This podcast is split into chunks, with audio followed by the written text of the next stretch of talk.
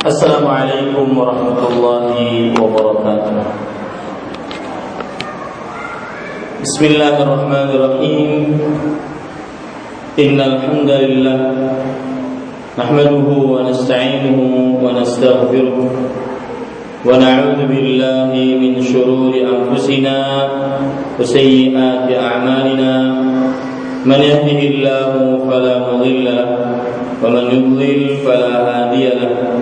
وأشهد أن لا إله إلا الله وحده لا شريك له وأشهد أن محمدا عبده ورسوله. يا أيها الذين آمنوا اتقوا الله حق تقاته ولا تموتن إلا وأنتم مسلمون.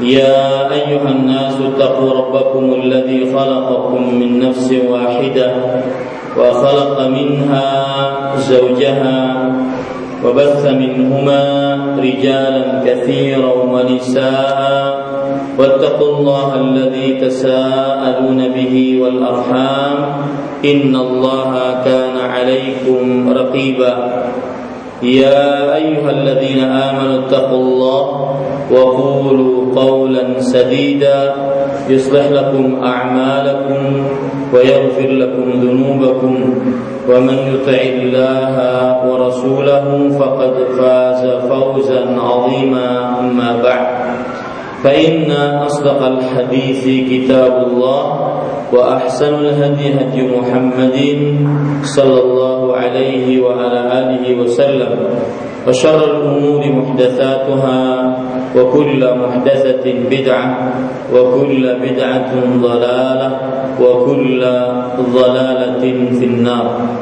Alhamdulillah kita bersyukur pada Allah Subhanahu wa taala pada siang hari ini Selasa 5 Rajab 1437 Hijriah kita duduk bersama untuk mengkaji ayat-ayat suci Al-Qur'an dan hadis-hadis Rasul sallallahu alaihi wa ala alihi wasallam.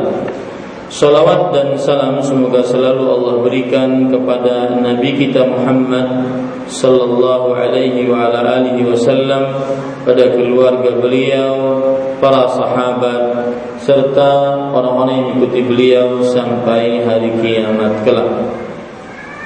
Dengan nama-nama Allah yang husna dan sifat-sifat yang mulia saya berdoa Allahumma inna nas'aluka ilman nafi'an wa rizqan tayyiban wa amalan mutaqabbala. Wahai Allah sesungguhnya kami mohon kepada Engkau ilmu yang bermanfaat rezeki yang baik dan amal yang diterima. Amin. Ya rabbal alamin Bapak atau ibu-ibu saudari-saudari muslimah yang dimuliakan oleh Allah Subhanahu wa taala.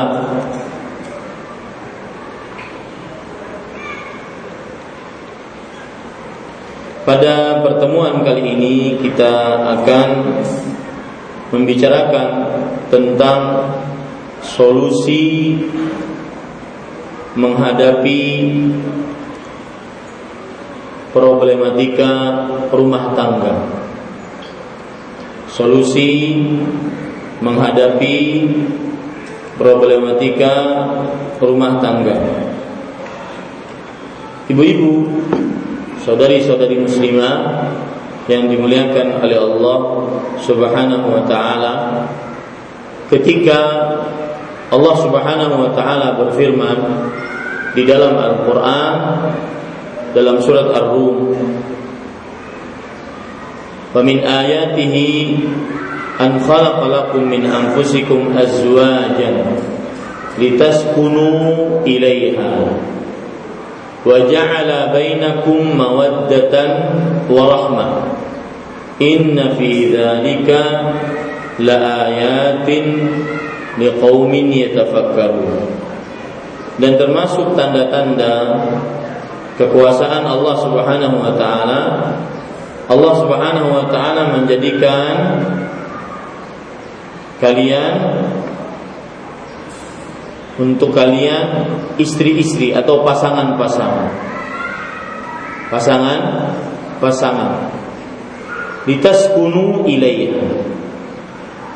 Agar kalian merasa tenang dengan pasangan tersebut. Wa ja'ala bainakum mawaddatan wa rahmah dan menjadikan di antara kalian rasa cinta dan rasa kasih sayang. Inna fi dzalika laayatin liqaumin yatafakkarun. Sesungguhnya hal itu untuk orang-orang yang berfikir. Hal itu untuk orang-orang yang yang berfikir. Ibu-ibu, saudari-saudari muslimah yang dimuliakan oleh Allah Subhanahu wa taala. Ayat ini memberikan pelajaran kepada kita beberapa hal untuk mengetahui pelajaran-pelajarannya maka mari kita buka tafsir Imam Ibnu Katsir pada ayat ini.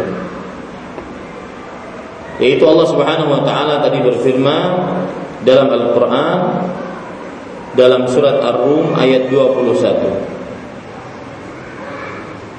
dan dari tanda-tanda kekuasaannya.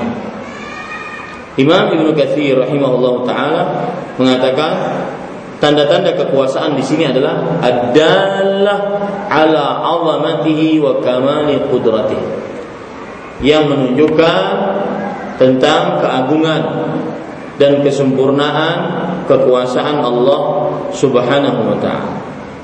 Imam Ibnu Katsir mengatakan ai khalaqalakum min jinsikum inatha. Dari tanda-tanda kekuasaannya Allah menjadikan untuk kalian wahai para lelaki dari diri kalian azwajan pasangan-pasangan. Kata Imam Nukathir, ay khalaqalakum min jinsikum. Yaitu telah menjadikan untuk kalian dari manusia yang sejenis dengan kalian. Maksudnya golongan manusia juga. Inathan yang berkelamin perempuan. Yakunna lakum azwajan. Yang mana perempuan tersebut menjadi pasangan bagi kalian. Untuk apa perempuan menjadi pasangan? Untuk apa ibu-ibu menjadi istri? Ini perhatikan Bu. Litaskunu ilaiha agar kalian merasa tenang kepada perempuan tersebut. Berarti tatkala seorang lelaki menikah, maka yang dituju tatkala menikah tersebut bahwa sang perempuan memberikan rasa ketenangan kepada lelaki. Ingat itu baik-baik. Perempuan lebih dituntut untuk memberikan rasa ketenangan kepada lelaki.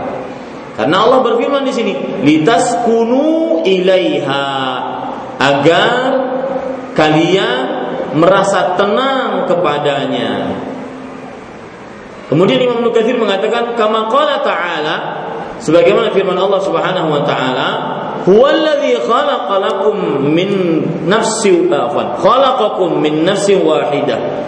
wa ja'ala minha zaujaha liyaskuna ilaiha sebagaimana firman Allah taala dalam ayat yang lain yaitu surat Al-A'raf ayat 189 dialah Allah yang telah menjadikan kalian dari satu jiwa dan menjadikan darinya pasangannya.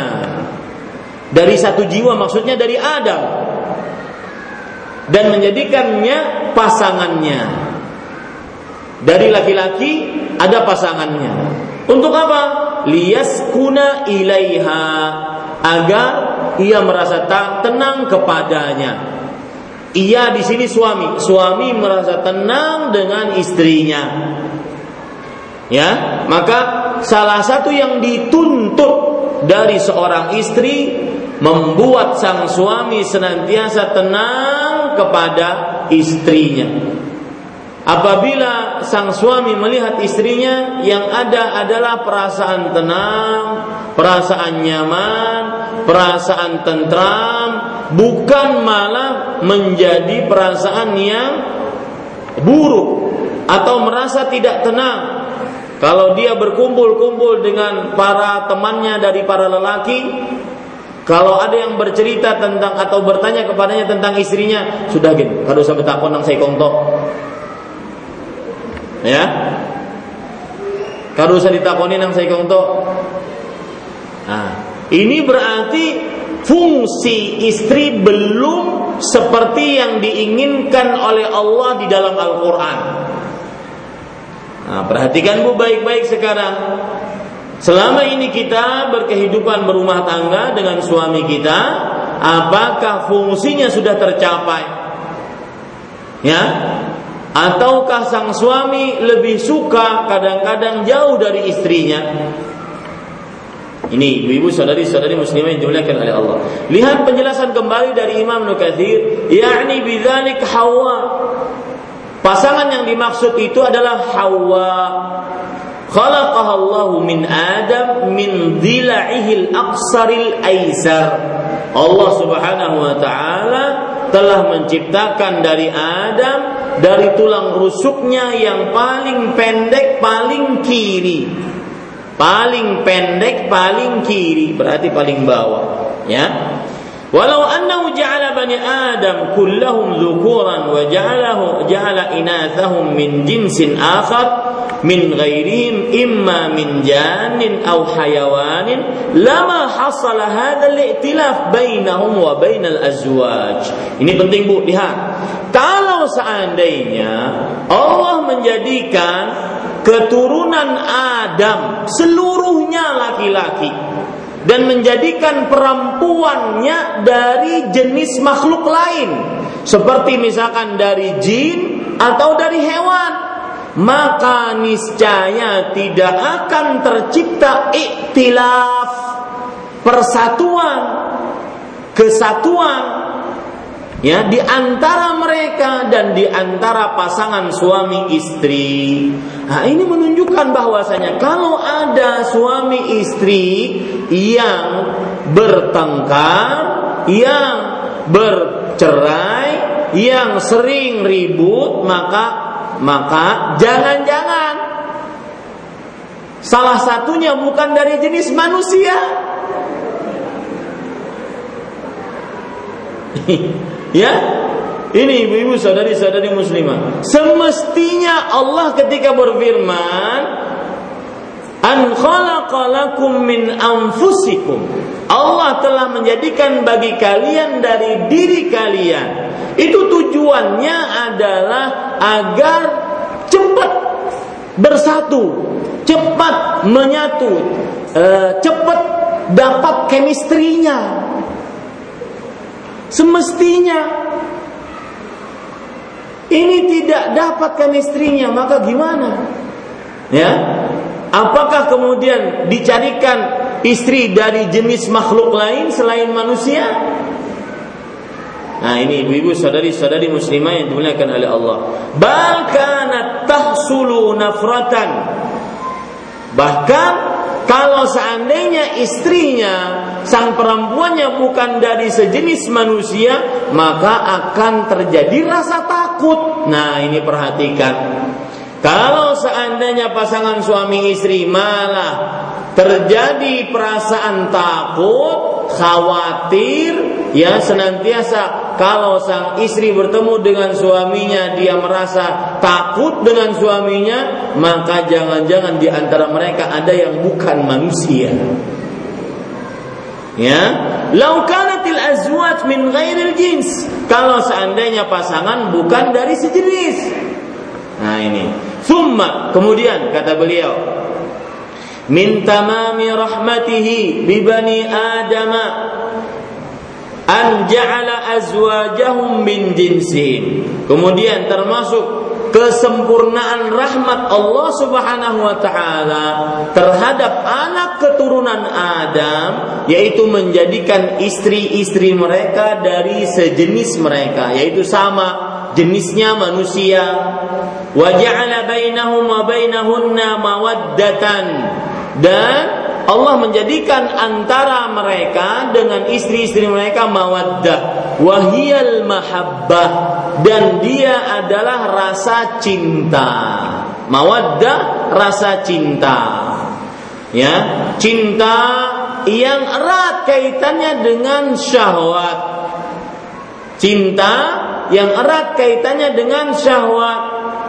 Ingin bercumbu ingin bergaul ingin disayangi ingin dielus ingin dipeluk dan semisalnya. Dijadikan antara manusia laki-laki dan manusia perempuan kalau sudah menikah rasa cinta mawaddah atau mahabbah. Warahmah dan rasa kedua rasa rahmat yakni rafah kata Imam Nukathir rafah artinya adalah rasa uh, kasih sayang kelembutan pengasih Nah, ibu-ibu pelajarannya di sini bahwa harus ada dua hal dalam kehidupan berumah tangga, mawaddah dan rahmah. Jangan cuma cinta. Seorang suami cinta sekali kepada istrinya. Dia senantiasa ingin selalu dilayani di atas ranjang, ingin selalu isinya romantis dan semisalnya. Tetapi tidak mau, tidak rahmah. Ya tidak rahmah. Artinya apa? Tidak kasih sayang tidak merasakan bagaimana beban sang istri, apakah dia sedang capek, apakah dia sedang letih, apakah dia sedang sakit, apakah dia perasaannya sedang baik atau tidak. Itu bukan urusan kata dia. Yang penting istri saya saya bisa nikmati. Maka ini suami yang hanya dipenuhi dengan rasa cinta, tidak rahmah Sebaliknya perempuannya nggak begitu. Ya, ada sebagian perempuan yang dia pikirannya cuma yang penting Ustaz saya bisa melayaninya. Tetapi hati saya tidak bersama dia. Ya, dia katakan kepada suaminya, "Boleh kamu menikmati jasadku, tetapi jiwaku tidak bersamamu." Kenapa piano?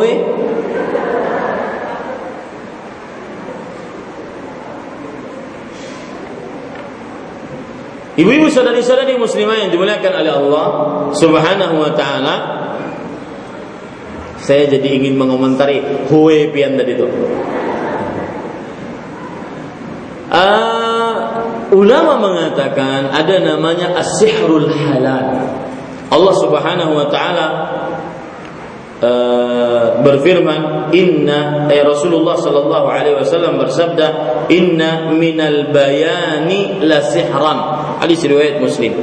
Sesungguhnya dari kata-kata yang indah benar-benar terdapat sebuah sihir sebuah tipuan jadi rayuan-rayuan itu sangat dibutuhkan di dalam kehidupan berumah tangga Kadang-kadang dengan satu rayuan permasalahan yang bertumpuk-tumpuk menjadi ringan, menjadi selesai, menjadi terpecahkan dan semisalnya. Yang asalnya mungkin saling marah memarahi, saling panas, saling ego, saling tidak mau memaafkan, ya saling tidak mau tegur, maka dengan satu kali rayuan dengan satu kali kata-kata indah maka akan menjadi dingin, saling memaafkan, saling mencintai, ketenangan tumbuh dan semisalnya. Makanya ibu-ibu saudari-saudari muslimah, salah satu seni di dalam membangun keharmonisan rumah tangga adalah membuat kata-kata yang indah untuk pasangan kita. Misalkan melihat lampu, di atas atap ada lampu. Warnanya putih. Mbah tuh bininya madangi, apalagi kak sudah hai. Maka Maka ibu-ibu saudari-saudari muslimah yang dimuliakan oleh Allah Subhanahu wa taala, ini adalah sesuatu yang uh, salah satu hal yang mendatangkan rasa bukan hanya mawaddah, cinta, akan tetapi juga rahmah.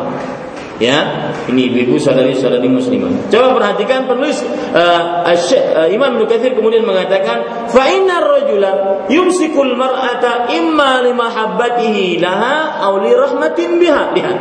Harus ada dua hal. Seorang lelaki dia mau beristri dengan seorang perempuan ini karena entah dia sangat mencintai perempuan tersebut atau karena dia kasih kepada perempuan tersebut. Ya, jadi di sini harus dibedakan bu, cinta dan kasih sayang itu dua hal yang berbeda.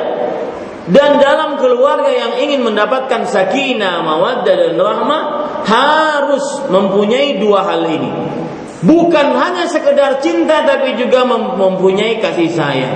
Bukan hanya sekedar kasih sayang mempunyai tetapi juga mempunyai rasa cinta.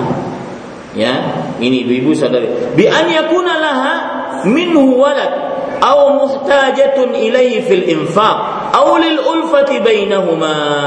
Yaitu dengan rasa cinta dan rasa rahmat tersebut akhirnya tumbuhlah ras uh, anak adalah anak. Ya, atau karena dia ingin memang mengasihi sang perempuan tersebut, maka dia memberikan nafkah. Jadi rasa cinta dan rasa kasih sayang itu menumbuhkan hasrat seksual. Rasa cinta dan rasa kasih sayang menumbuhkan rasa kasih tatkala melihat keperluan-keperluan istrinya yang harus dipenuhi. Dia akan kasih kepada istrinya, dia akan kasih sayang kepada istrinya ya tidak dibiarkan istrinya mungkin uh, bajunya sudah robek kemudian suaminya yang ada dalam benaknya cuma cinta tidak kasih sayang tidak kasihan kepada istrinya. Begitu juga sang istri ya yang ada di dalam benaknya cuma rasa cinta Bagaimana melayani suami di atas ranjangnya. Adapun keperluan-keperluan suami, ngambil makan, kemudian menyiapkan makan, menyiapkan minum, kau aja seorangnya setai. Ya. Maka ini tidak ada rasa kasih sayang. Harus ada dua-duanya, rasa cinta dan ada rasa kasih sayang. Dengan seperti itu akan terkumpul dua makhluk ini laki-laki dan perempuan yang sebelumnya belum bersama-sama sama sekali. Inilah yang makna dari firman Allah di akhir ayat inna fi dzalik laayatan liqaumin yatafakkarun. Sesungguhnya di dalam hal itu terdapat bukti-bukti, tanda-tanda kekuasaan bagi orang-orang yang berpikir. Lihat Rasulullah sekarang. Bagaimana beliau mengumpulkan rasa cinta dan rasa kasih sayang. Suatu ketika beliau bertengkar dengan Aisyah. Aisyah radhiyallahu anha mengangkat suara di hadapan Rasul sallallahu alaihi wasallam. Terdengar oleh bapaknya Aisyah Abu Bakar As-Siddiq. Lihat, mungkin pada waktu itu ketika bertengkar berkurang rasa cintanya karena saling bertengkar. Tetapi ketika Abu Bakar As-Siddiq mengetahui kemudian ingin memarahi anaknya yaitu Aisyah, maka timbul rasa kasih sayang dari diri Rasulullah sallallahu alaihi wasallam. Rasul Shallallahu Alaihi Wasallam menghalangi Abu Bakar As Siddiq untuk memak untuk mencela memarahi anaknya. Maka kata Rasul Shallallahu Alaihi Wasallam, aku telah selamatkan engkau dari orang yang mau memarahimu. Ini timbul dari mana? Dari rasa kasih sayang. Ya, jadi dalam keluarga harus ada dua, cinta dan kasih sayang. Bukan hanya sekadar cinta tapi tidak kasih sayang. Kalau suaminya sedang sakit, maka dia ya tidak kasih sayang, dia tidak perhatian kepada suaminya. Atau dia tidak memperhatikan keadaan sang suami pulang dari kerja sore hari mungkin mukanya masam, ya mukanya tidak enak dipandang, maka sang istri harus kasih sayang, harus tenggang rasa dengan keadaan suami. Jangan dia cengengesan.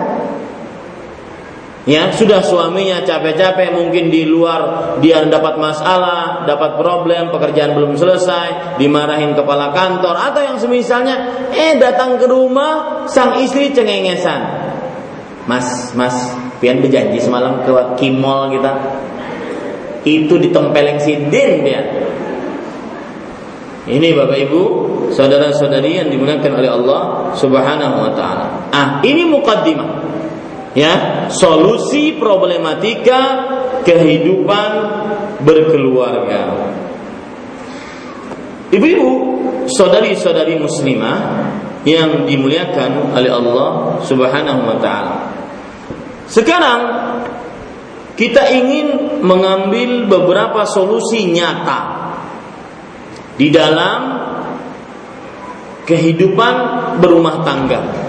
Jika terjadi problematika dalam kehidupan berumah tangga.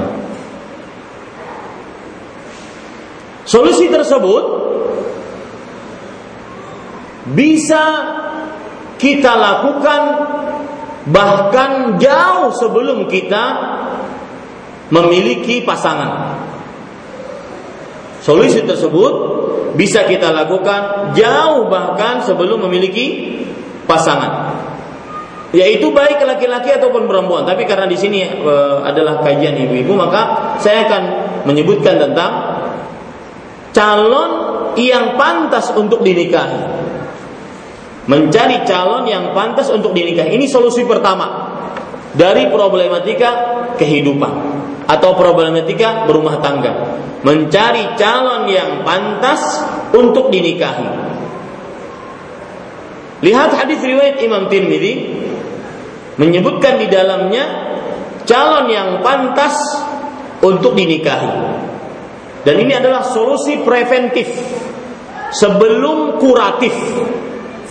Solusi tindakan pencegahan sebelum terjadinya. Lihat hadis riwayat Imam Tirmidzi dari Abu Hurairah radhiyallahu an, Rasul sallallahu alaihi wasallam bersabda, "Idza khataba ilaikum man taradawna dinahu wa khuluquhu fazawwijuhu."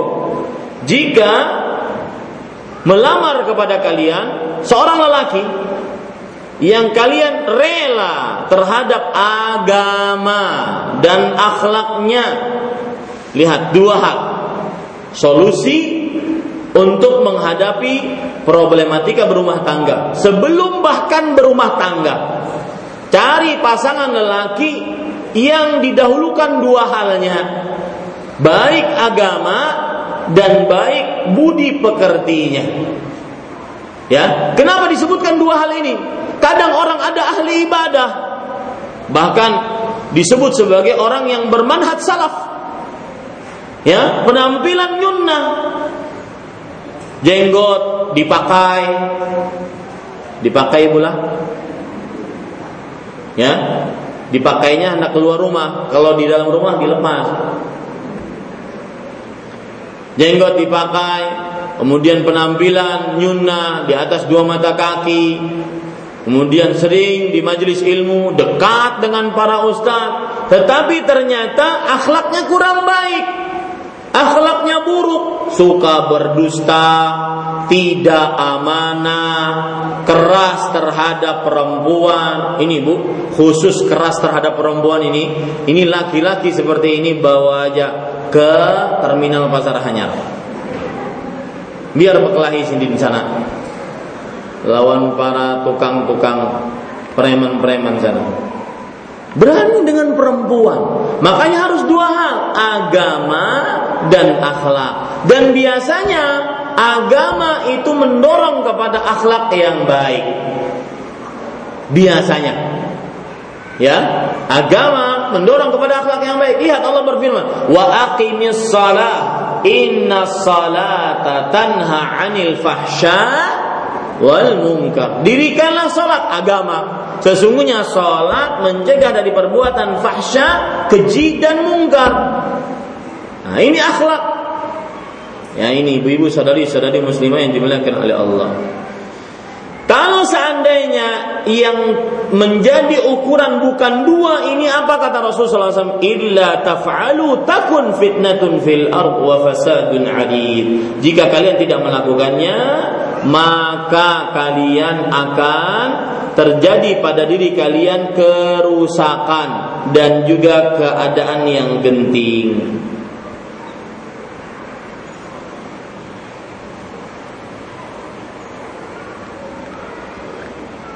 Dan di sini ibu-ibu sadari-sadari muslimah yang dimuliakan oleh Allah Subhanahu wa taala perlu diperhatikan kalau begitu maka bukan hanya penampilan luar yang Anda lihat. Ya, tadi di kelas saya mendapatkan sebuah uh, kita membaca sebuah perkataan menarik al-ibrah bil makhabir la bil mawahir. Kalau bahasa Indonesianya mudahnya yang penting isinya, bukan casingnya. Ya, yang penting isinya, bukan casingnya. Misalkan casingnya di sini wah mengkilat, ya, ternyata isinya wadai basi, maka tetap kada nyaman. Ya, maka ibu-ibu saudari-saudari jangan tertipu dengan casing membawa motor besar, membawa mobil mewah, berumah yang mega, ternyata mandi junub kada bisa. Ini kayak apa? Ya, ternyata baca Al-Quran terbata-bata, ternyata akhlaknya buruk dan semisalnya. Kemudian ibu-ibu, saudari-saudari muslimah yang dimuliakan oleh Allah Subhanahu wa taala. Itu solusi yang pertama. Solusi yang kedua, tatkala sudah terjadi pernikahan, kemudian mau tidak mau akan terjadi problematika dalam kehidupan berkeluarga. Maka solusi yang kedua adalah mengingat tujuan pernikahan Tujuan pernikahan adalah terjadinya ketenangan di antara pasangan suami istri dan terjadinya kasih sayang dan cinta antara suami istri. Ingat tujuan pernikahan. Ya. Terjadinya solusi eh, solusi terhadap problematika rumah tangga, ingat tujuan pernikahan bukan untuk berkelahi, bercakut, tetapi untuk bersatu, merasa tenang dengan satu yang lainnya. Sang suami tenang dengan istrinya, istrinya tenang dengan suaminya. Ini ada kadang-kadang sang istri ya tidak merasa tenang dengan suaminya. Sang istri lebih suka suaminya keluar kota dibandingkan di sisinya di rumahnya. Apabila pian bulik dari luar kota, eh kena seminggu lagi, ujar sang istri, kada apa-apa sebulan aja kan kada apa-apa. Nah, ya. Ibu-ibu sadari-sadari muslimah yang dimuliakan oleh Allah, coba perhatikan ketika Anda jauh dari suami Anda, apakah pernah Anda mendapatkan sang suami mungkin nelfon, ngirim SMS, lewat media sosial atau apa pun mengatakan, "Wahai istriku, saya kangen." Kalau seandainya ada seperti itu berarti Anda berhasil menjadi uh, istri yang baik untuk dia. Tapi kalau seandainya ada kadang-kadang ditinggal seminggu, dua minggu, tidak ada kabar sama sekali. Berarti Anda sebagai seorang istri perlu dipertanyakan. Ya, ada tidaknya Anda sama dengan tidak adanya Anda. Kenapa? Karena sang suami merasa tidak ada, tidak ada sesuatu yang hilang. Beda dengan istri yang sudah uh, benar-benar melaksanakan tugasnya sebagai seorang suami, sebagai penenang suami, sebagai mendatangkan rasa cinta dan rasa kasih sayang dengan uh, terhadap suami, maka sang suami akan merasakan kehilangan separuh jiwanya. Tatkala dia keluar ataupun berpisah dengan istrinya. Ya, ini Bapak Ibu, ibu-ibu saudari-saudari muslimah yang dimuliakan oleh Allah. Dari mana itu dalilnya? Tadi surat Ar-Rum ayat 21. Tujuan menikah adalah mendapatkan kenyamanan, ketenangan rasa cinta, rasa kasih sayang, ingin selalu bersama, ingin e, tidak mau dipisahkan dan semisal berat. Saya kemarin waktu di e, Malaysia, saya melihat seorang suami berpisah dengan istrinya. Ya. Kemudian sang istri e, sedih habis-habisan. Dalam hati saya ini sang suami sudah berhasil menjadi seorang suami. Karena dia menumbuhkan di dalam hati sang istri bahwa sang suami adalah bagian dari hidupnya. Semestinya seperti inilah seorang istri berlaku dan seorang suami berlaku di tengah-tengah keluarganya menumbuhkan rasa cinta, rasa kasih sayang dan rasa ingin bersatu. Maka tatkala terjadi pertengkaran, permasalahan, ya, dan selalu saja jadi bu, begini, yang menjadi ukuran itu bukan banyak atau sedikitnya permasalahan yang ada di tengah rumah tangga, tetapi yang menjadi ukuran adalah bagaimana kita mendapatkan solusi yang berkah dari semua permasalahan yang ada di dalam rumah tangga tersebut. Bagaimana kita mendapatkan bagaimana kita me, menyelesaikan permasalahan yang ada dalam rumah tangga tersebut dengan baik dan benar. Karena permasalahan selalu saja ada, problematika hidup selalu saja ada. Ini ibu-ibu sadari-sadari. Apa sebabnya selalu saja ada? Karena hati manusia berbolak-balik. Ya, kadang dia ingin disayang, kadang ingin dimanja. Kadang dia ingin sendirian, kadang dia ingin bersama. Hati manusia berbolak-balik. Maka yang menjadi ukuran dalam keluarga sakinah, mawaddah dan rahmah adalah bukan banyak atau sedikitnya permasalahan, di tengah keluarga, di tengah suami istri, akan tetapi bagaimana permasalahan tersebut diselesaikan yang mendatangkan ketenangan, kasih sayang dan rasa cinta. Ini ibu-ibu sadari-sadari muslimah yang dimuliakan oleh Allah. Kemudian ibu-ibu sadari-sadari muslimah yang dimuliakan oleh Allah Subhanahu wa taala. Solusi yang ketiga dari permasalahan e, berumah tangga, problematika dalam kehidupan kita berumah tangga, maka yang pertama, eh, yang ketiga yaitu setiap pasangan jika terjadi perselisihan di antara e, pasangannya maka berusaha memperbaiki diri dan jangan berusaha mencari kesalahan orang lain berusaha memperbaiki diri.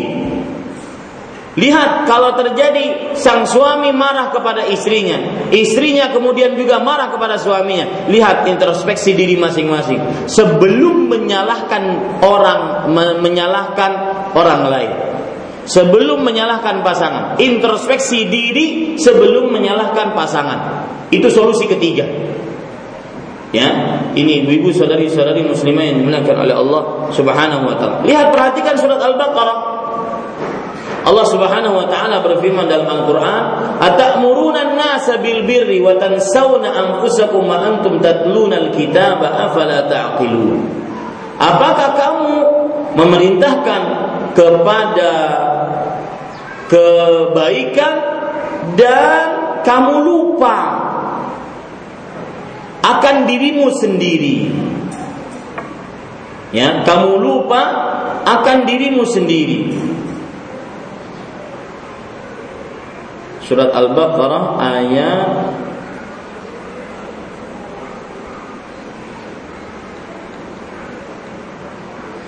Al-Baqarah ayat 44. 44 wa antum tatluna alkitab afala ta'qilun. Sedangkan kamu membaca Al-Qur'an Alkitab apakah kamu tidak memikirkannya?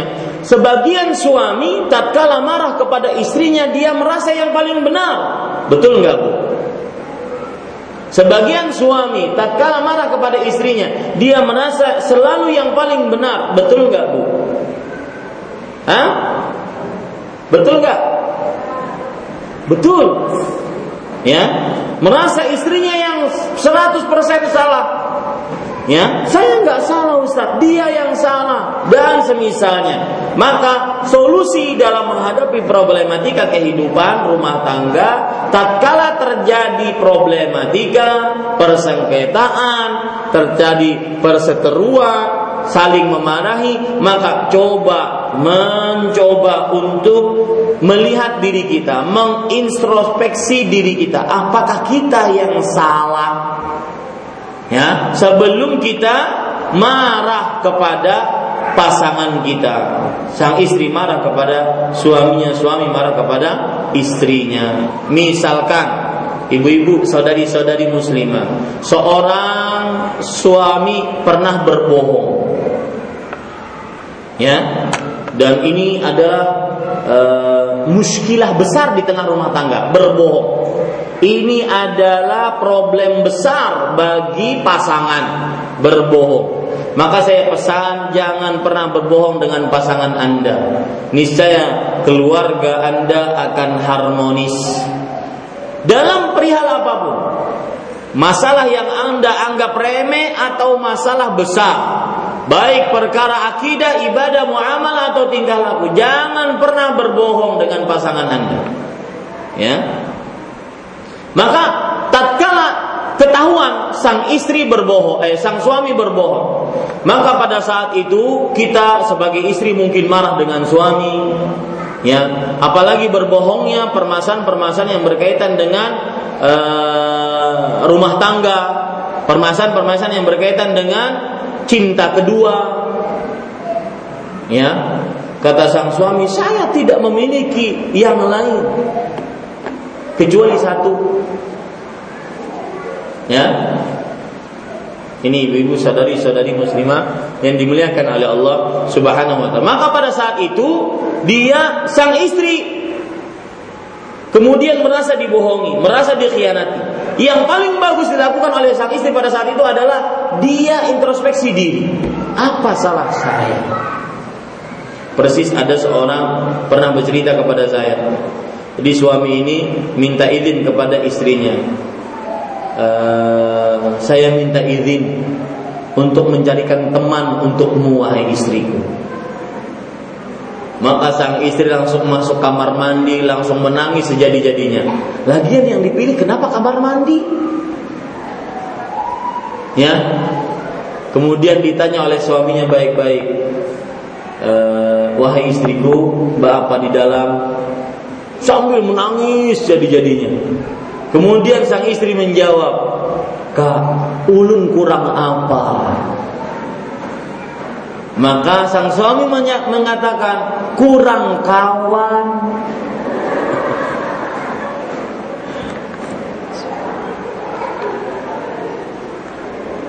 Lihat, perkataan ulun kurang apa itu menunjukkan bahwasanya dia sedang introspeksi diri. Itu baik. Ya, apa yang kurang dari dirinya? Oh, kenapa suamiku cemberut sore ini? Apa yang kurang dari saya? Kenapa suamiku kok marah pada saya? Apa yang kurang dari saya? Begitu juga sang suami, tapi karena sekarang kajiannya kan ibu-ibu, ya saya lebih menggunakan bahasa-bahasa verbal yang berkaitan dengan ibu-ibu. Maka ibu-ibu saudari-saudari muslimah, solusi pertama adalah introspeksi diri sebelum e, menyalahkan pasangan tatkala terjadi problematika rumah tangga. Mungkin saya salah di sini, mungkin saya salah di sini. Ini ibu-ibu, saudari-saudari muslimah yang dimuliakan oleh Allah Subhanahu wa taala. Dan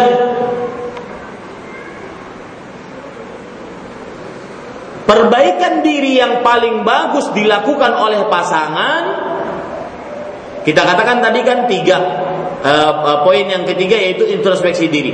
Introspeksi diri yang paling bagus dilakukan oleh pasangan adalah introspeksi diri dalam perihal agama dan hak-hak yang dimiliki oleh pasangan. Agama dan hak-hak yang dimiliki oleh pasangan.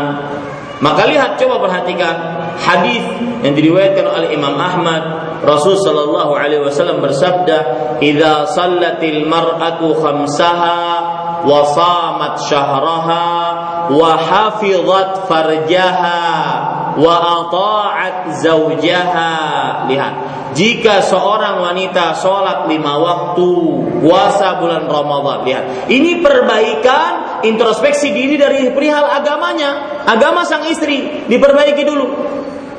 Mungkin ini yang membuat sang suami sering marah, sering tidak nyaman, sering merasa tidak tenang jika di samping istrinya. Dan menjaga kemaluannya serta taat suaminya. Lihat, perbaikan hak-hak yang dimiliki oleh sang suami. Berarti kewajiban-kewajiban istri itu adalah solusi tatkala terjadi problem masalah di tengah rumah tangga.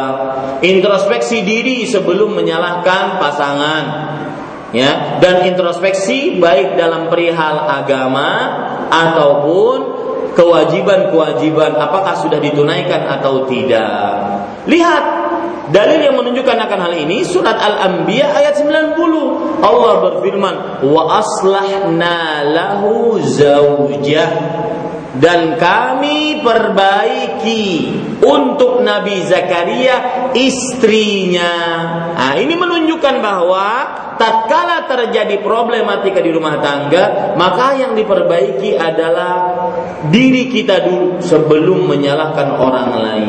Kemudian Bu, Solusi yang keempat yaitu ketika terjadi problem di tengah keluarga, di tengah pasangan suami istri, maka jangan pernah ada balas dendam setelah perdamaian.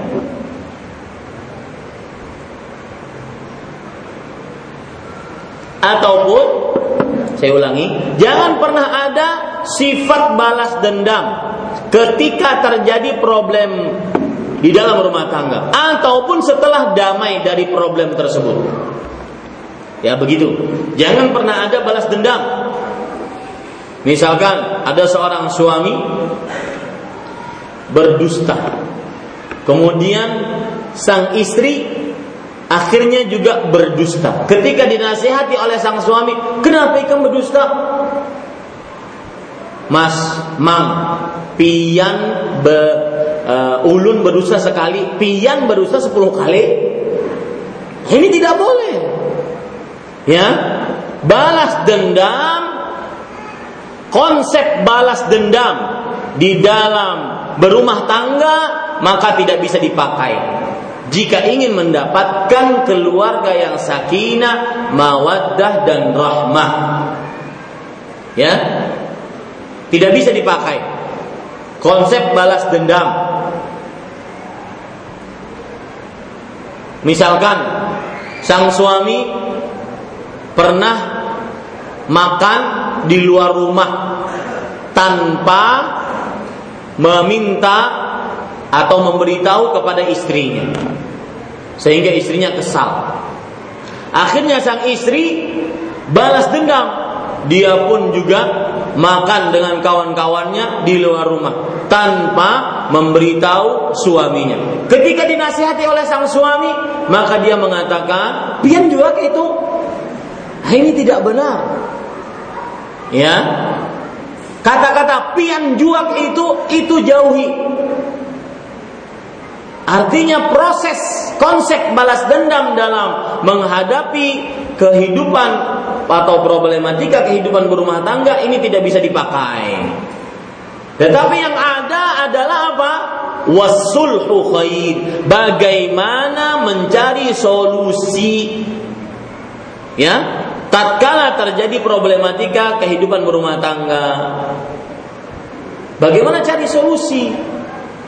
Seperti itu. Itu ibu-ibu, saudari-saudari muslimah yang dimuliakan oleh Allah. Makanya kalau ada terjadi pertentangan antara suami istri, ya, maka Jangan sampai sang istri atau sang suami mengatakan ketika dimintai, ayolah sudah bermaafan, sudah ampihan.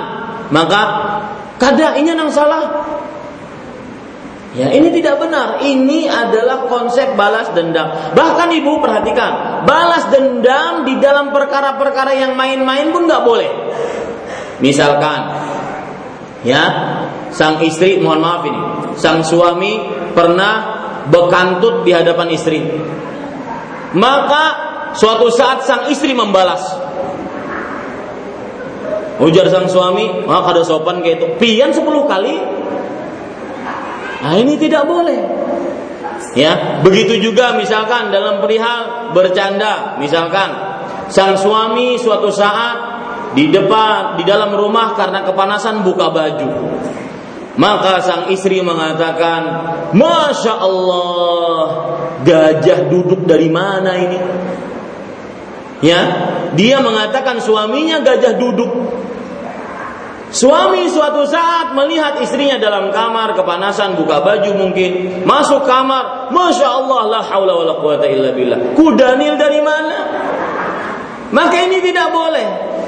Ya saling balas dendam dalam konsep berkeluarga tidak diperbolehkan.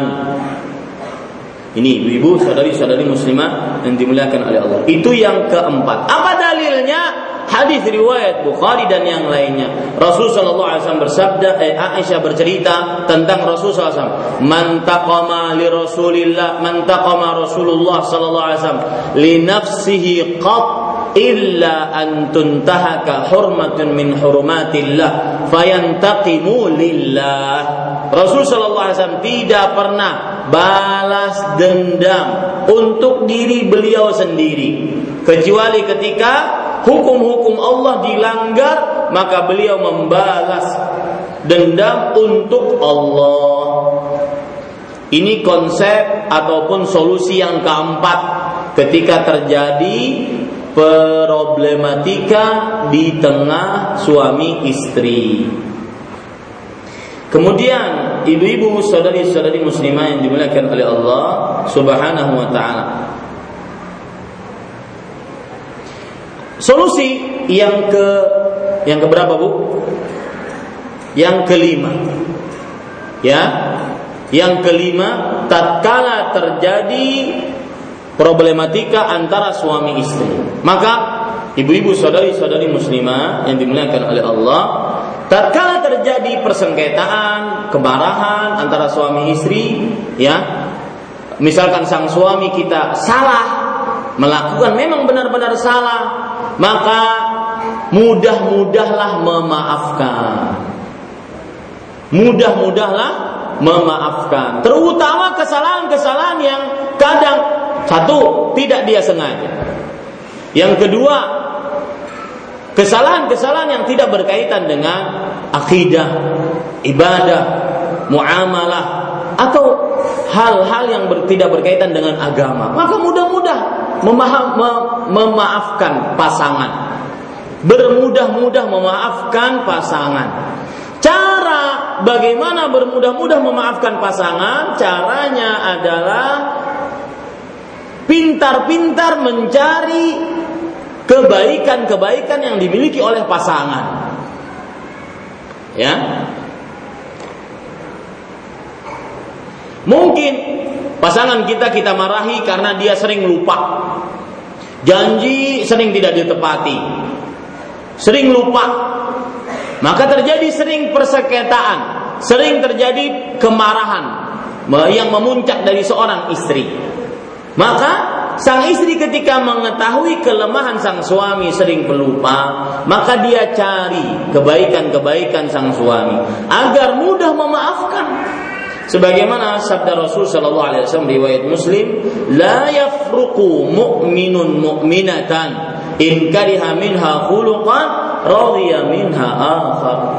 Seorang yang beriman yaitu suami yang beriman tidak memarahi lelaki yang beriman uh, istri yang beriman jika suami ini membenci sesuatu dari istrinya maka dia rela dan suka hal-hal lain dari istrinya. Maksudnya apa?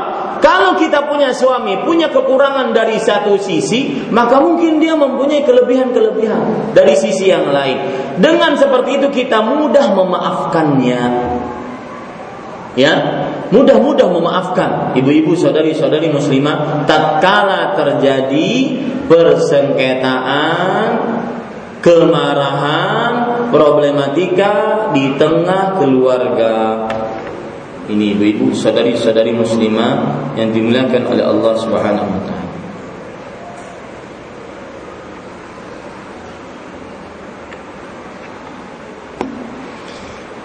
Baik, kemudian yang keenam, solusi dari problematika kehidupan berumah tangga adalah memahami dan meyakini bahwa perceraian langkah syaitan. Memahami dan meyakini bahwa perceraian adalah langkah syaitan. Karena syaitan tidak mau terjadi hubungan yang sah. Syaitan maunya zina. Makanya kalau ada hubungan yang sah antara suami istri, pasti dia akan memisahkannya.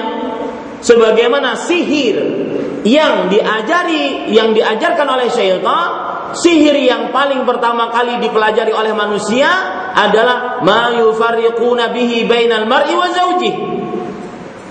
Yang memisahkan antara seseorang dengan istrinya. Ya surah al-baqarah ayat 102 syaitan ingin terjadi perbuatan fahisyah perzinahan. Makanya dia pisahkan hubungan-hubungan yang sah Ya ini ibu-ibu, saudari-saudari muslimah yang dimuliakan oleh Allah. Dia pisahkan hubungan-hubungan yang sah. Allah berfirman ya ayyuhalladzina amanu la tattabi'u khutuwati syaitan. Wahai orang yang beriman, janganlah engkau ikuti langkah-langkah syaitan. Wa man yattabi' khutuwati syaitan fa innahu ya'muru bil fahsya' Siapa yang mengikuti langkah-langkah syaitan, maka sesungguhnya dia memerintahkan kepada perbuatan yang fahsya, perbuatan zina, perbuatan syahwat yang diharamkan. Dengan cara bagaimana? Dipisahkan suami istri. Ya, saya pernah ibu-ibu saudari-saudari muslimah diceritakan oleh para tukang supir taksi saya mendengar Ustaz, sang perempuan ini marah-marah dengan suaminya, memaki-maki, kemudian melabrak suaminya di sebuah hotel, bla bla bla bla. Marah pokoknya dia kepada suaminya. Sudah, saya minta cerai. Eh ternyata habis masuk ke dalam uh, taksi kembali setelah memarahi suaminya, eh dia malah berzina dengan laki-laki lain. Lihat, ya begitulah tatkala sang uh, iblis menang di dalam uh, menggoda manusia. Akhirnya manusia mengikuti langkah-langkah syaitan yaitu berzina.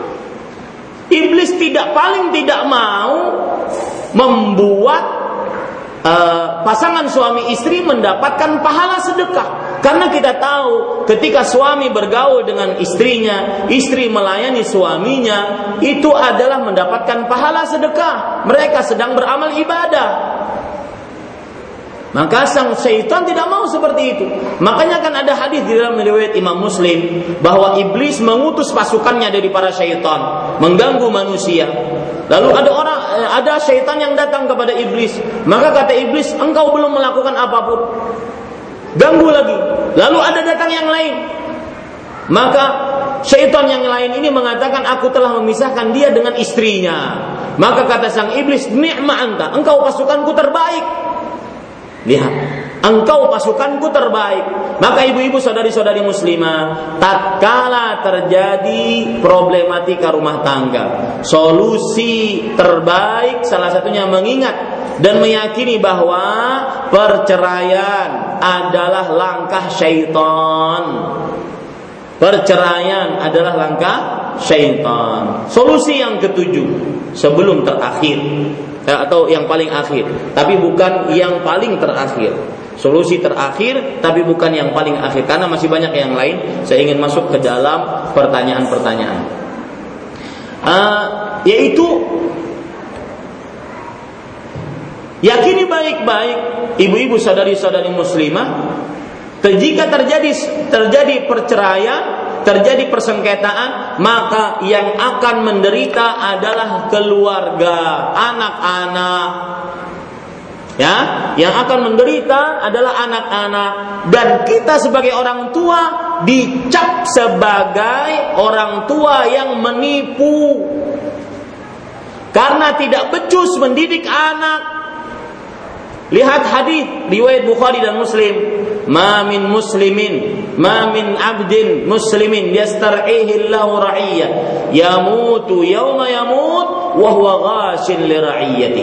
Tidaklah seorang hamba muslim diberikan kewenangan oleh Allah Subhanahu wa taala untuk memimpin ya orang tua memimpin anak-anaknya pada hari ia meninggal dalam keadaan menipu anak-anaknya, menipu orang-orang yang di bawah tanggung jawabnya, menipu orang-orang yang di bawah urusannya, maka melainkan diharamkan atasnya surga. Orang tua-orang tua yang bercerai, apalagi perceraiannya disebabkan karena perkara yang bukan perkara prinsip ya? Yang memang diwajibkan untuk bercerai pada saat itu. Tetapi perkara-perkara yang remeh, perkara-perkara yang hanya menanggung uh, berupa egoisme salah satu dari pasangan, perkara-perkara yang uh, tidak ada kaitannya dengan agama, maka pada saat itu ibu-ibu sadari-sadari muslimah yang dimuliakan oleh Allah Subhanahu wa taala, maka jangan-jangan dia nanti masuk ke dalam orang tua yang menipu. Menipu anak-anaknya karena sudah terpisahkan antara suami dan istrinya. Akhirnya sang anak tidak mendapatkan sebenar-benar dan sesempurna-sempurna kasih sayang orang tua, bapak dan ibunya. Maka ingat itu baik-baik, itu solusi yang mudah-mudahan bermanfaat tentang kehidupan berumah tangga. Saya membicarakan ini di masjid ini pada kesempatan kali ini kenapa? Karena banyak sekali telepon-telepon yang datang, bahkan kadang-kadang di malam hari datang membicarakan tentang problematika rumah tangganya. Itu menunjukkan kan bahwasanya malam itu malam yang paling genting. Kok malam-malam jam setengah 12 telepon?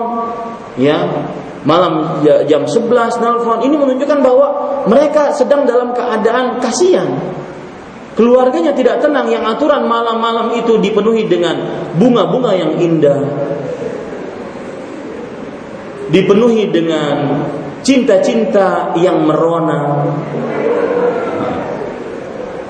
Bu akibat perkataan ini ya makanya Ummu Abdillah sangat sayang sama saya. Dan rasanya sulit untuk mencari penggantinya.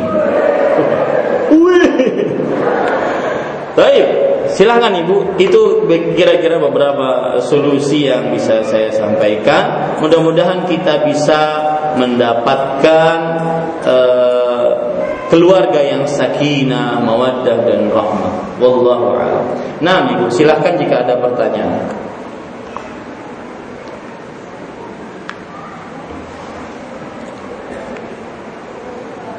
Tidak ada? Tidak ada buli kulun. Nah. Assalamualaikum warahmatullahi wabarakatuh. Waalaikumsalam. Kenalkan, nama Ulun Nurhayati dari Jogja. Silakan.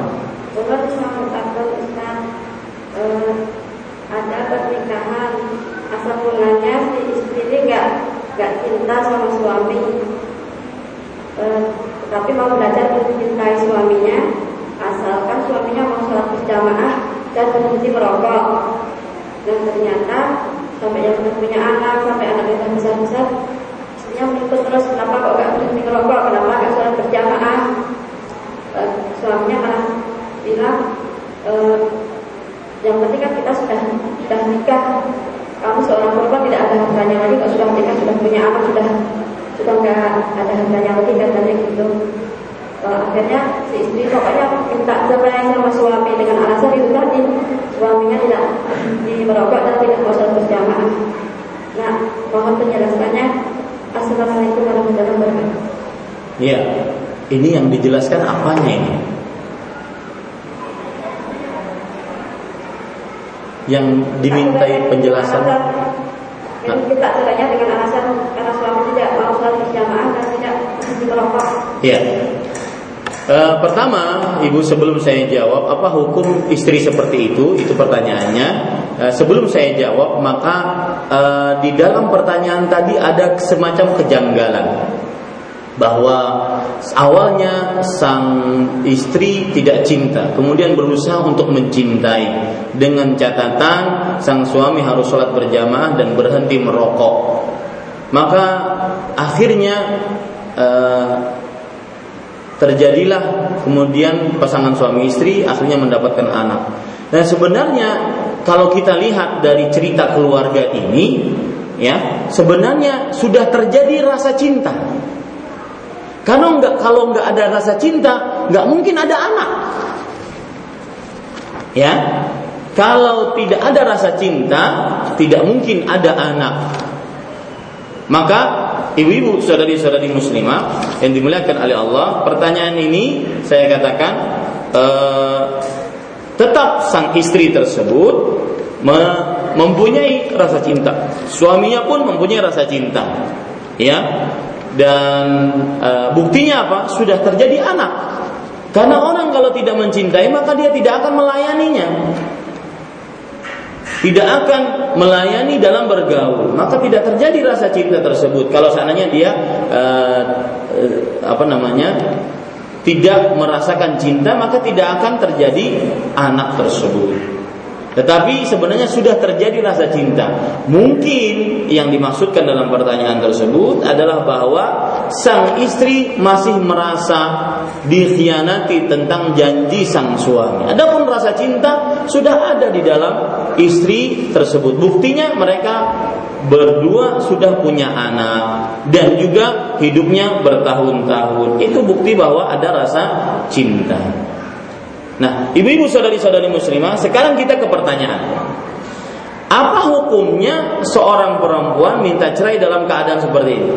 Suaminya tidak mau sholat berjamaah dan istri eh, dan tidak mau meninggalkan rokok. Maka saya sering mengatakan asal hukum perempuan minta cerai itu diharamkan.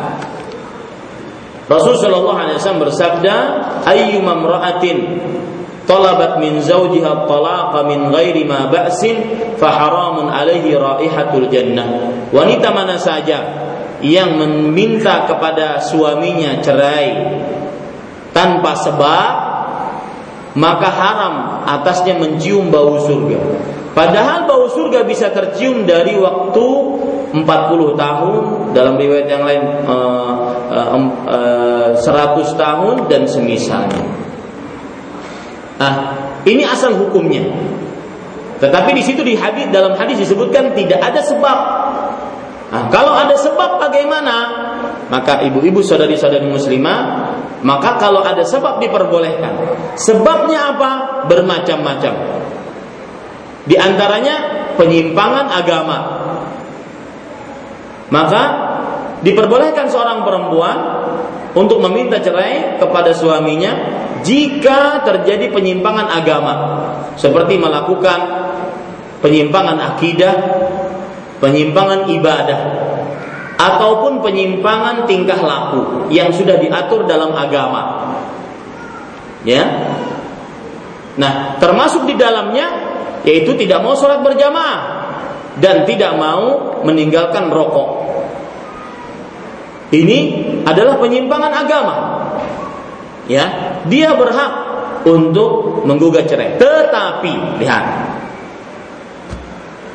langkah pertama yang dia harus lakukan adalah terus menasehati sang suami tersebut.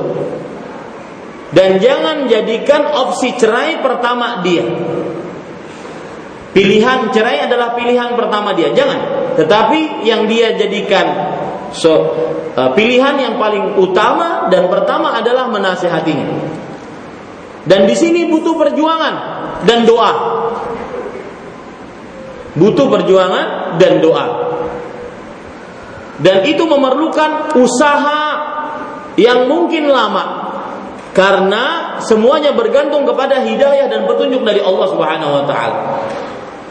Maka saya katakan boleh saja seorang perempuan meminta cerai karena suaminya melakukan penyimpangan agama dan penyimpangan e, tingkah laku.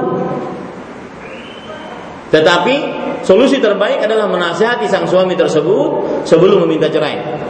Kemudian kalau tidak dapat dinasihati, maka pada saat itu dipanggilkan keluarga masing-masing untuk terjadi perbaikan ataupun perdamaian atas permasalahan yang ada. Kalau tidak mempan juga, maka pada saat itu baru dia berhak untuk menggugat cerai. Wallahu a'lam. Gantian Bu ya, yang langsung kemudian saya baca. Gantian dulu. Di sini ada pertanyaan dari pendengar Radio Gema Madinah 93,7 FM. Saya fulanah di Banjarbaru. Yang ingin saya tanyakan adakah adalah bolehkah seorang wa akhwat meminta mahar berupa pengajaran Al-Qur'an berhubung ikhwan tersebut agamanya baik hanya saja finansialnya sangat kurang. Apakah justru malah menyulitkan untuk ke depannya? Maka jawabannya tidak. Dan ini mahar yang wajib ditunaikan jika sang pemuda tersebut mampu untuk mengerjakannya. Tetapi para ulama membicarakan bahwa batasan mahar salah satunya adalah yang bermanfaat. Harta yang bermanfaat dan wallahu alam termasuk mahar yang diperbolehkan adalah mengajari agama dan itu termasuk dari kewajiban seorang suami. Silahkan ibu langsung. Assalamualaikum warahmatullahi wabarakatuh. Assalamualaikum saya mau juga Ustaz dari Nah. Uh, uh, tolong menjelaskan uh, Ustaz uh, Rasulullah SAW bersabda bahwa barang siapa yang uh, berdoa senantiasa untuk mati syahid maka dia akan uh, mendapatkannya walaupun uh, dia uh, meninggal di atas tempat tidur. Nah, uh, itu apakah hadis sahih dan bagaimana merasakannya selanjutnya bagaimana uh, bisa terjadi apakah sahihnya itu sama dengan orang yang uh, mati itu baru pernah jalan Allah atau uh, dalam uh, dalam derajat yang lain. Nah. Uh, yang kedua dan pertanyaan dari teman uh, bagaimana caranya uh, bila seorang istri itu sudah ditinggal wafat oleh suaminya tapi uh, si istri ini merasa banyak dosa uh, bagaimana supaya bisa ulangi ulangi yang kedua apa yang kedua Ustaz uh, bagaimana uh, bila seorang istri sudah ditinggal wafat oleh suaminya tapi si istrinya merasa uh, banyak dosa kepada suami. Bagaimana supaya mungkin supaya istri ini bisa merasa lega Ustaz? Uh, apakah yang harus dilakukan? Uh, ya. terima kasih. Assalamualaikum warahmatullahi wabarakatuh. Waalaikumsalam warahmatullahi wabarakatuh. Uh, Jazakillah khairan atas pertanyaannya Pertanyaan yang pertama berkaitan dengan hadis. Hadis diriwayatkan oleh Imam Muslim uh, dari Sahal bin Hunayf radhiyallahu anhu. Rasul sallallahu alaihi wasallam bersabda, "Man sa'ala Allah asy-syahadata bisidqin, ballaghahu Allah manazil asy-syuhada wa in mata ala firasyih." Barang siapa yang memohon kepada Allah dengan jujur mati syahid maka niscaya Allah akan menyampaikannya ke derajat orang yang mati syahid meskipun dia meninggal di atas kasurnya. Maksud dari hadis ini adalah ke uh, agungnya perbuatan niat, agungnya perkara niat yang baik. Bahwa orang jika berniat yang baik, di antaranya agar diwafatkan dalam mati syahid, maka dia akan mendapatkan pahala atas niatnya tersebut. Ya, pahala atas niatnya tersebut. Ini menunjukkan agungnya orang yang berniat yang baik.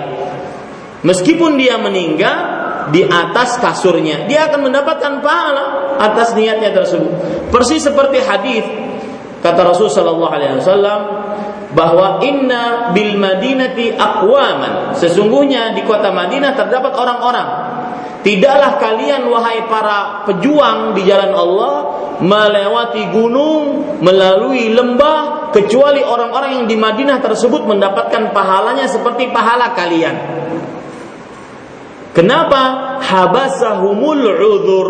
Mereka tidak bisa berjihad gara-gara karena ada kekurangan ada uzur tapi niat mereka sudah sama dengan kalian. Kalau seandainya mereka tidak ada uzur, mereka niscaya akan berjihad bersama kalian. Maka dengan niat tersebut dia akan mendapatkan pahalanya. Jadi hadis ini menunjukkan agungnya niat yang baik.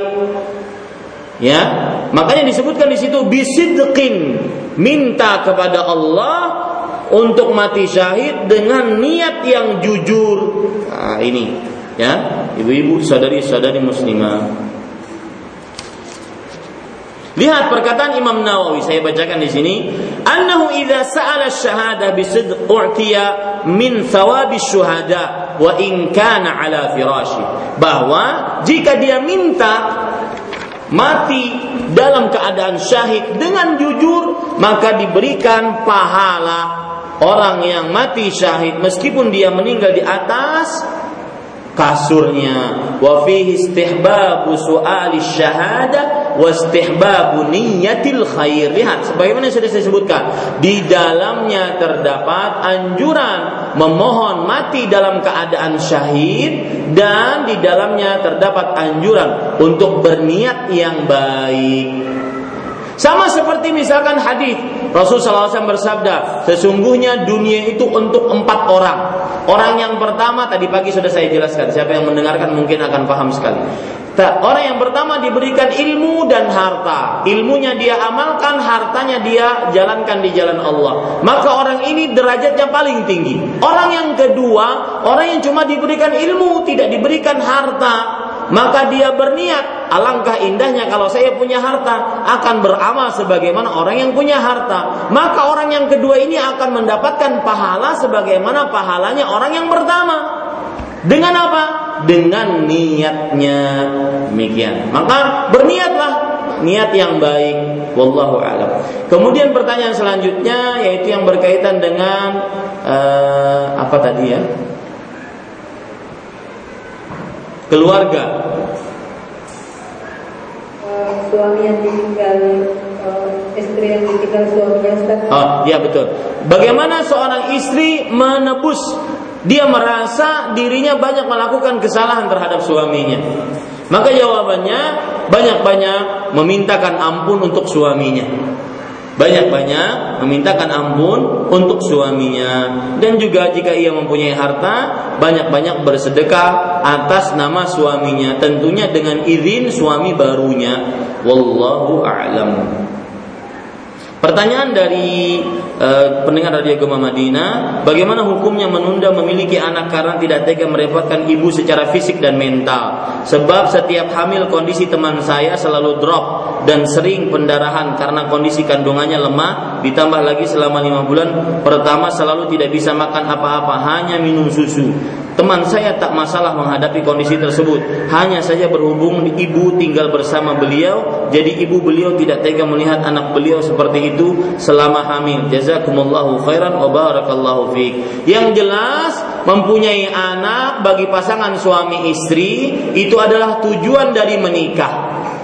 Mempunyai anak bagi pasangan suami istri itu adalah tujuan dari dari menikah. Apabila tidak ada hal yang sangat mendesak, darurat, terpaksa ataupun mengakibatkan kerusakan ataupun kekurangan jiwa, artinya wafat seseorang, maka pada saat itu dia tetap diwajibkan untuk mempunyai anak. Akan tetapi jika memang berpengaruh kepada kesehatannya ataupun berpengaruh kepada ke nyawanya maka pada saat itu dapat keringanan sesuai dengan kesulitan yang dia hadapi. Adapun permasalahan ibu, maka pada saat itu ibu dinasehati agar bersabar, menerima takdir dan banyak-banyak berdoa agar anaknya dimudahkan dalam perkara hamilnya. Wallahu alam.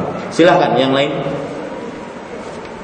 Assalamualaikum warahmatullahi wabarakatuh. Waalaikumsalam warahmatullahi Ustaz saya Megamati dari Martapura. Ini ada pertanyaan titipan Ustaz. Tafadhol. Eh, Assalamualaikum Ustaz. Warahmatullahi Ustaz, bagaimanakah cara seorang istri menyikapi sikap suami yang apatis terhadap istrinya? Cuek dalam hal kasih sayang dan soal ibadah. Bahkan suami tersebut susah diajak bersilaturahmi kepada keluarga istri. Dalam menafkahi lahir dan batin, istri juga sekenanya saja atau tidak diperhatikan karena suami juga belum melaksanakan kewajiban sebagai seorang muslim. Sholat belum mau tapi kalau Ramadan ikut puasa. Kalau misalkan bercerai si istri takut malah membuat anak udah membuat mengingat anak udah banyak. Dan si istri cuma ibu rumah tangga tulen mohon nah, nasihatnya Ustadz agar istri ini bisa tegar dalam keimanan dan tetap tegar di atas sunnah. Jazakallah khairan Ustaz. Jazakumullah khair atas pertanyaannya. Maka ibu-ibu saudari-saudari muslimah, setiap permasalahan rumah tangga yang mana terjadi permasalahan tersebut disebabkan karena penyimpangan salah satu pasangan dari agama, penyimpangan agama dari salah satu pasangan, maka e, jawabannya adalah pertama dinasehati. Suami tersebut dinasehati, dibicarai, dinasehati dengan lembut, dengan santun. Kalau tidak mempan, maka dipanggilkan keluarganya untuk dinasehati dan untuk menjadikan pelajaran bagi sang suami. Kalau tidak mempan juga, maka pada saat itu sang istri beristikharah kepada Allah. Maka apabila diberikan jawaban bahwa dia harus bercerai, maka pada saat itu dia bercerai. Uh, kemudian yang patut diperhatikan juga bahwa seorang wanita tidak pantas lihat ini seorang wanita tidak pantas untuk bersuamikan suami yang tidak sholat Ya, makanya ibu-ibu saudari-saudari muslimah yang dimuliakan oleh Allah, sebagaimana yang sudah saya sebutkan di awal, solusi pertama menghadapi problematika rumah tangga adalah perhatikan calon suami. Baik agama dan akhlaknya. Ini juga perhatian kepada para orang tua.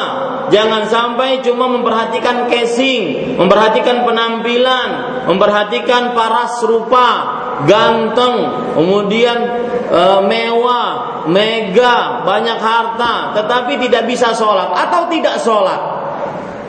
Maka sebelum bahkan setelah menanyai nama keluarga, tanyai agamanya. Sholat tidak bisa, sholat enggak.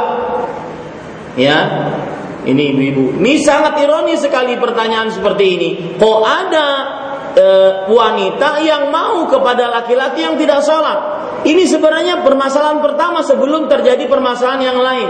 Kok ada wanita yang mau kepada laki-laki yang tidak sholat? Ya, maka tidak diperbolehkan perempuan menikah kepada laki-laki yang tidak sholat. Kenapa laki-laki yang tidak sholat itu kafir? Keluar dari Islam. Rasul sallallahu alaihi wasallam bersabda, "Al-ahdu alladhi bainana wa bainahumus shalah, faman tarakaha faqad kafar." Perjanjian antara kami dengan mereka adalah perihal salat.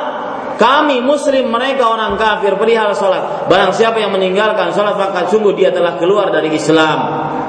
Di dalam hadis yang lain Rasul sallallahu alaihi wasallam bersabda, uh, dalam hadis yang lain Rasul sallallahu alaihi wasallam bersabda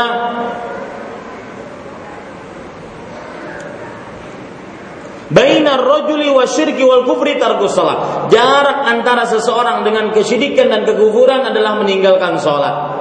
Artinya kalau sudah meninggalkan salat maka tidak ada jarak antara dia dengan kesyirikan dan kekufuran. Hadis sahih.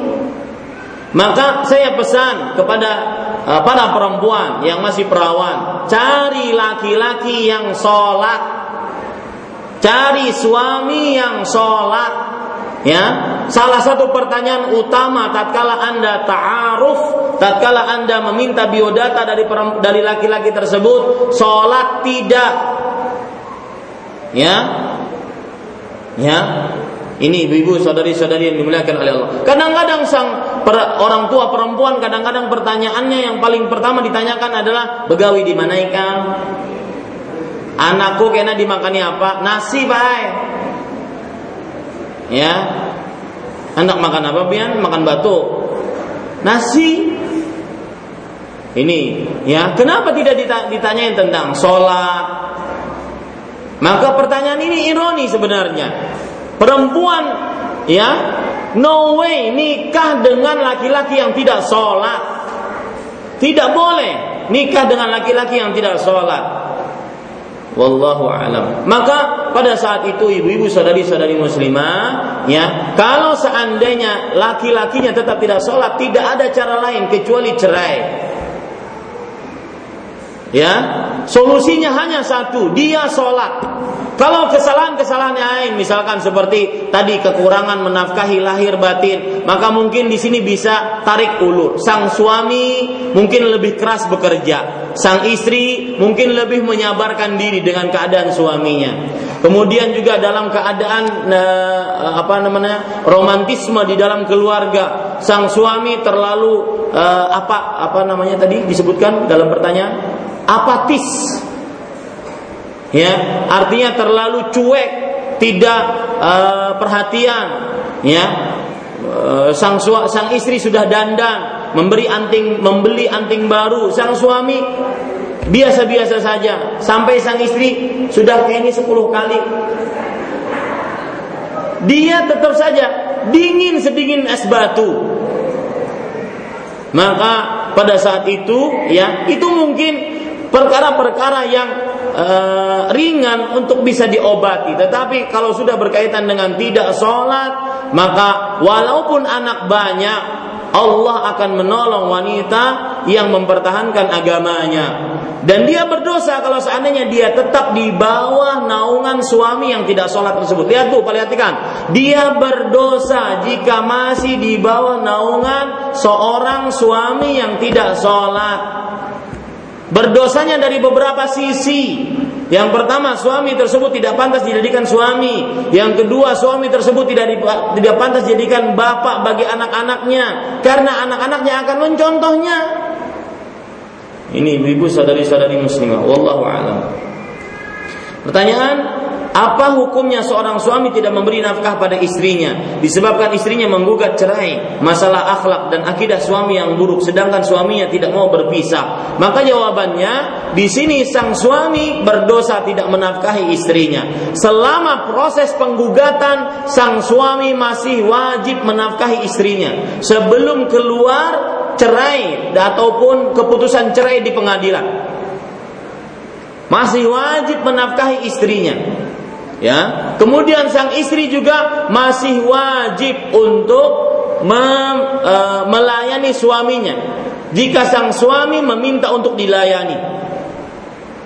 Ya meskipun sang istri ma, e, dalam proses menggugat cerai selama belum keluar keputusan maka wajib bagi dia untuk tetap melayani suaminya. Kalau sang suami tidak mau berpisah bagaimana maka jawabannya diangkat ke pengadilan, pengadilan nanti yang menentukan. Ya, diangkat ke pengadilan, pengadilan yang nanti yang menentukan. Dan pengadilan di sini dia berhak memaksa suaminya untuk menceraikannya kalau memang benar sang suami pantas untuk dimintai cerai. Wallahu a'lam. Silakan Bu yang lain.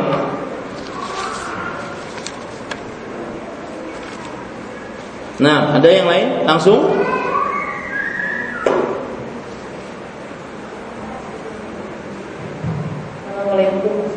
Waalaikumsalam warahmatullahi wabarakatuh. Ustaz, bagaimana hubungannya dengan wanita mengikuti fashion show?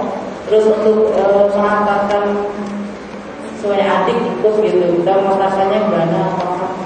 Mengikuti fashion show kemudian?